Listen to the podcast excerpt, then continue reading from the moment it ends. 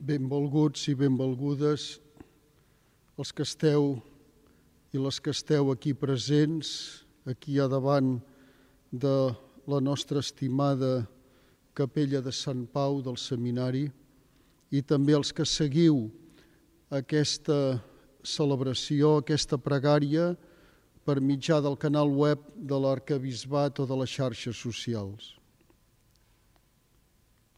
Isaías diu, de Sion surt l'ensenyament, de Jerusalem la paraula del Senyor. I podem dir, la paraula de Déu surt de casa seva, surt de l'església, surt del temple i s'encamina al llarg dels camins del món per trobar el gran pelegrinatge dels pobles en la recerca de la veritat, de la justícia i de la pau. Sortim, doncs, a sembrar la paraula. Aquest és el lema que ens ha proposat el papa francès pel diumenge de la paraula i per aquesta mateixa setmana de la Bíblia, aquesta cinquena setmana de la Bíblia que celebrem, que celebra l'Església que peregrina a Catalunya. Sortim a sembrar la paraula d'acord amb la paràbola del sembrador que acabem de proclamar que acabem d'escoltar. En la moderna ciutat secularitzada, tot i que sembla regnar-hi la incredulitat i la indiferència, hi ha un desig amagat, una esperança germinal. Ho estem comprovant durant tot aquest temps d'incertesa a causa de la pandèmia. Com ens diu el profeta Amós, venen dies que enviaré fam al país, no fam de pa ni set d'aigua, sinó fam d'escoltar la meva paraula. A aquesta fam vol respondre precisament la missió evangelitzadora de l'Església. Mireu, en el document commemoratiu del Concili Tarraconense que els bisbes de Catalunya van fer públic el, dijous passat, precisament aquí a la Catedral de Tarragona, solemnitat de Sant Fructuós, afirmem en aquest document que tota l'Església rep el tresor de la paraula i el venera com el cos mateix del Senyor.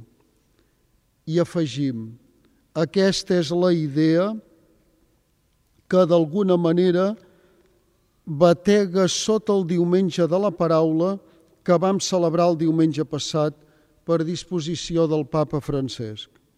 I també la idea, com hem dit, que batega en aquesta cinquena setmana dedicada a la paraula de Déu. I hem de dir, la paraula, la paraula en majúscula, és la casa comuna dels cristians.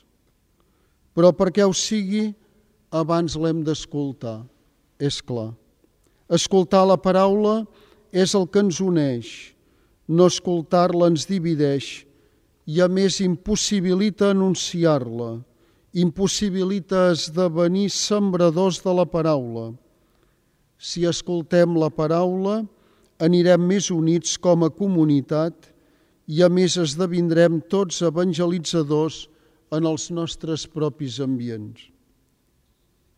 Tanmateix, per entrar en l'estil de la Sagrada Escriptura, i hem d'ésser iniciats.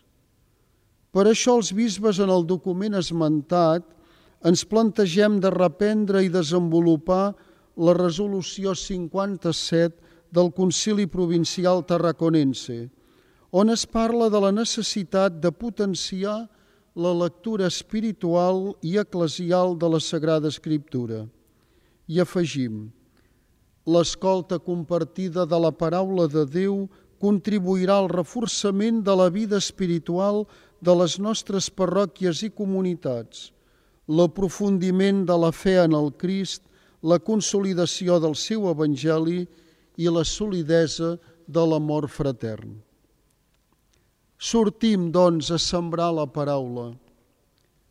Diu Jesús, Aneu a tots els pobles i feu-los deixebles meus, batejant-los en el nom del Pare i del Fill i de l'Esperit Sant i ensenyant-los a guardar tot allò que jo us he manat. Això avui ho proclamem en aquesta capella, al davant d'aquesta capella de Sant Pau, que tanta significació té per la nostra església de Tarragona i que esdevé el ressò de la mateixa predicació paulina a la nostra pròpia ciutat i a les nostres terres. Adoneu-vos com la Bíblia està plena de crides a no callar, a cridar amb força, a anunciar la paraula en el moment oportú eh, i també inoportú, a ser guardians que trenquen el silenci de la indiferència. En el nostre context actual, la crida de Crist adquireix un nou significat. És allò que diu a l'Evangeli de Mateu. Allò que us dic a la fosca, digueu a plena llum, i allò que sentiu a cau d'orella, crideu des dels terrats. Certament que la paraula ha de tenir una primera transparència i difusió per mitjà del text imprès, amb les traduccions que responguin a la varietat d'idiomes del nostre planeta. I aquí hem de lluar el gran esforç que s'ha fet a les nostres esglésies i diòcesis amb seu a Catalunya per mitjà de el, eh, tot l'esforç de la Bíblia catalana interconfessional però la veu de la paraula ha de ressonar també a través de la ràdio, de les artèries informàtiques d'internet, dels canals de difusió virtual, online, ha d'aparèixer en els esdeveniments culturals i socials. En un temps dominat per la imatge, és encara significatiu i sugestiu el model privilegiat de Crist. Ell recorria al símbol, a la narració, a l'exemple, a l'experiència diària, a la paràbola. L'Evangeli de Mateu diu tot això Jesús ho digué a la gent en paràboles i no els deia res sense paràboles. Jesús, per tant, no utilitzava mai un llenguatge vaga, abstracte i eteri, sinó que els conqueria partint justament de la terra que trepitjaven els seus peus per conduir-los d'allò que és quotidià a la revelació del regne del cel. Es torna llavors significativa l'escena evocada per Joan. Els guardes, diu, se'n tornaren a trobar els grans sacerdots i els fariseus, i aquests els van dir, per què no l'heu portat? Els guardes respongueren, és que ningú no ha parlat mai com aquest home sortim a sembrar la paraula. Diu el llibre de l'Apocalipsi, Mira, soc a la porta i truco. Si algú escolta la meva veu i obre la porta, entraré a casa seva i soparé amb ell i ell amb mi. Per tant, d'alguna manera, s'al·ludeix aquí a la mateixa realitat familiar. La família tancada a la seva llar, amb les seves alegries i amb els seus drames. És un espai fonamental en què ha d'entrar la paraula de Déu. La Bíblia està plena de petites i grans històries familiars. El salmista imagina amb vivacitat el quadre serè d'un pare assegut a la taula, envoltat de la seva esposa, com una vinya fecunda, i dels seus fills, com plançons d'olivera. I en aquí també segur que tots nosaltres tenim o podem tenir les nostres pròpies experiències familiars. Us puc parlar breument de la meva. Vaig ser iniciat en la paraula de Déu, vaig ser iniciat en l'ensenyament de l'Evangeli d'alguna manera i o podem dir d'una manera fonamental en la mateixa experiència familiar. La mare sempre ens feia resar a casa. Pot ser en el marc de tota una espiritualitat devocional, però molt arrelada també a l'Evangeli. Recordo que ens feia recitar de memòria la visita espiritual a la Mare de Déu de Montserrat, que després, al cap d'uns anys, vaig descobrir, o de bastants anys, vaig descobrir que havia estat feta per el gran bisbe Torres i Bages.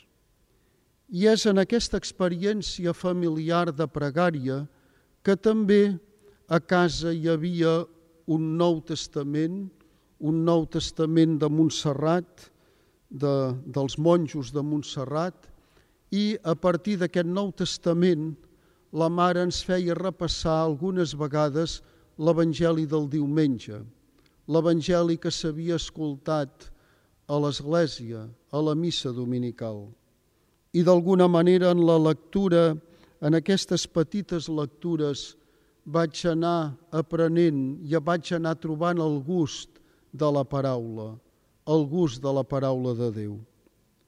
Després, ja quan vaig entrar en el seminari menor, vaig descobrir, vaig fer la descoberta dels salms, els salms en totes les seves variants, que d'alguna manera parlen des del cor de l'home, des de la seva experiència espiritual. I em vaig poder anar saborint tot allò i anar aprofundint en la vivesa espiritual dels meus anys joves. I fixeu-vos com també, si recolem en la història, veurem com els primers cristians celebraven la litúrgia en la quotidianitat d'una casa, així com Israel confiava a la família la celebració de la Pasqua. La paraula de Déu es transmet d'una generació a una altra, per la qual cosa els pares esdevenen els primers predicadors de la fe, diu la Constitució d'Església Lumen Gentium. També diu el salmista, el que vam sentir i aprendre, el que els pares ens van contar no ho amagarem als nostres fills, i ells ho contaran als qui vindran, són les gestes glorioses del Senyor, el seu poder i els seus prodigis. Ell va fer un pacte amb el poble de Jacob, donar una llei als fills d'Israel. Ell va manar als nostres pares que tot això ho ensenyessin als seus fills, perquè ho coneguessin els qui vindran i els fills que naixeran després.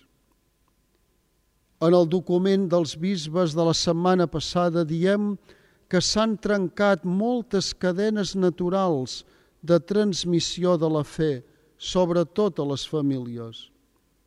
Però, malgrat tot, hauríem de maldar perquè cada casa cristiana pugui tenir la Bíblia, custodiar-la dignament, llegir-la i pregar amb ella, perquè, com diu el Salm, infants i vells, joves i noies, escoltin, comprenguin, lloin i visquin la paraula de Déu. Sortim a sembrar la paraula.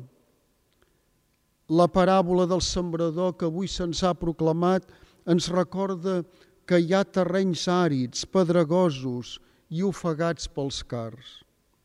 Qui entra en els carrers del món descobreix els baixos fons on hi nien tants sofriments i tanta pobresa, marginació i misèries, malalties i soledats.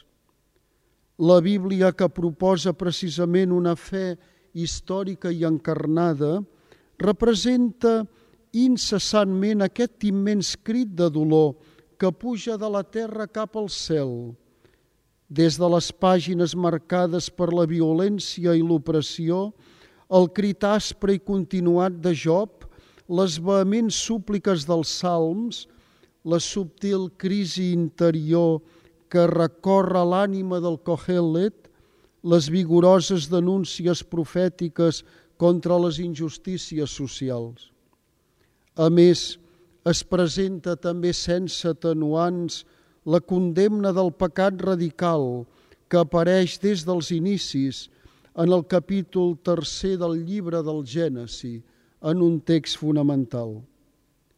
Però sobretot en les escriptures hi domina la figura de Crist, que comença el seu ministeri amb un anunci d'esperança per als últims de la terra. L'esperit del Senyor m'ha enviat a portar la bona nova als pobres, a proclamar als captius la llibertat. Les seves mans, les mans de Crist, toquen repetidament cossos malalts. Les seves paraules proclamen justícia i concedeixen el perdó als pecadors. Al final ell mateix s'acosta al nivell més baix.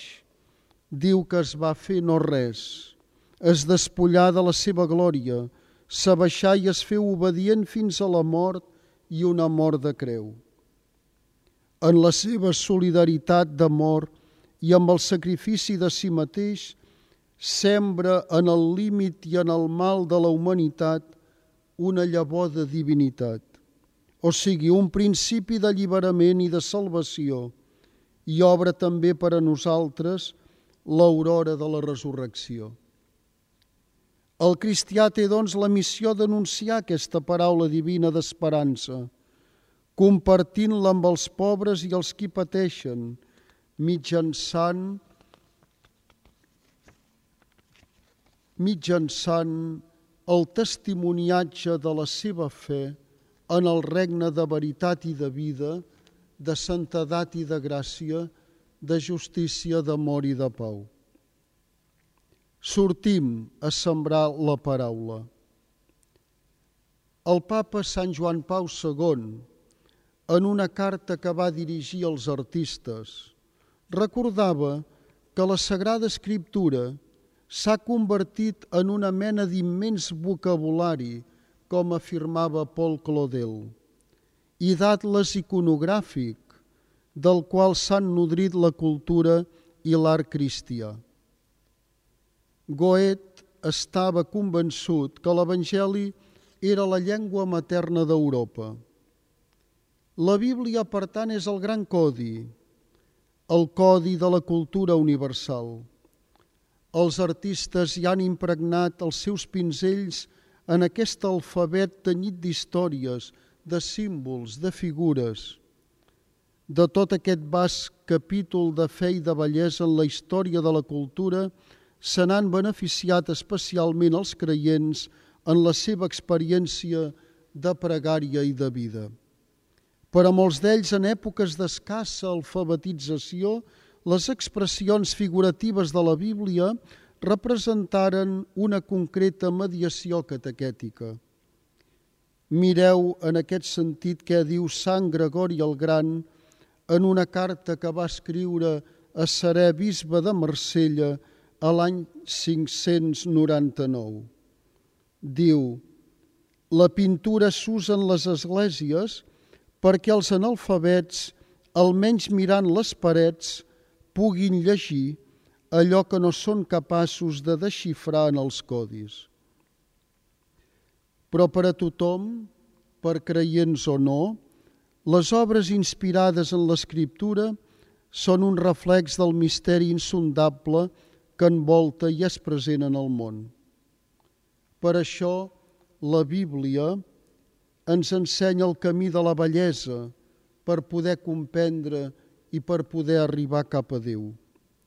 Una bellesa no, que no sols és necessària per al creient, sinó per a tothom, per descobrir novament els significats autèntics de les diverses expressions culturals i per retrobar la nostra identitat històrica, humana i espiritual.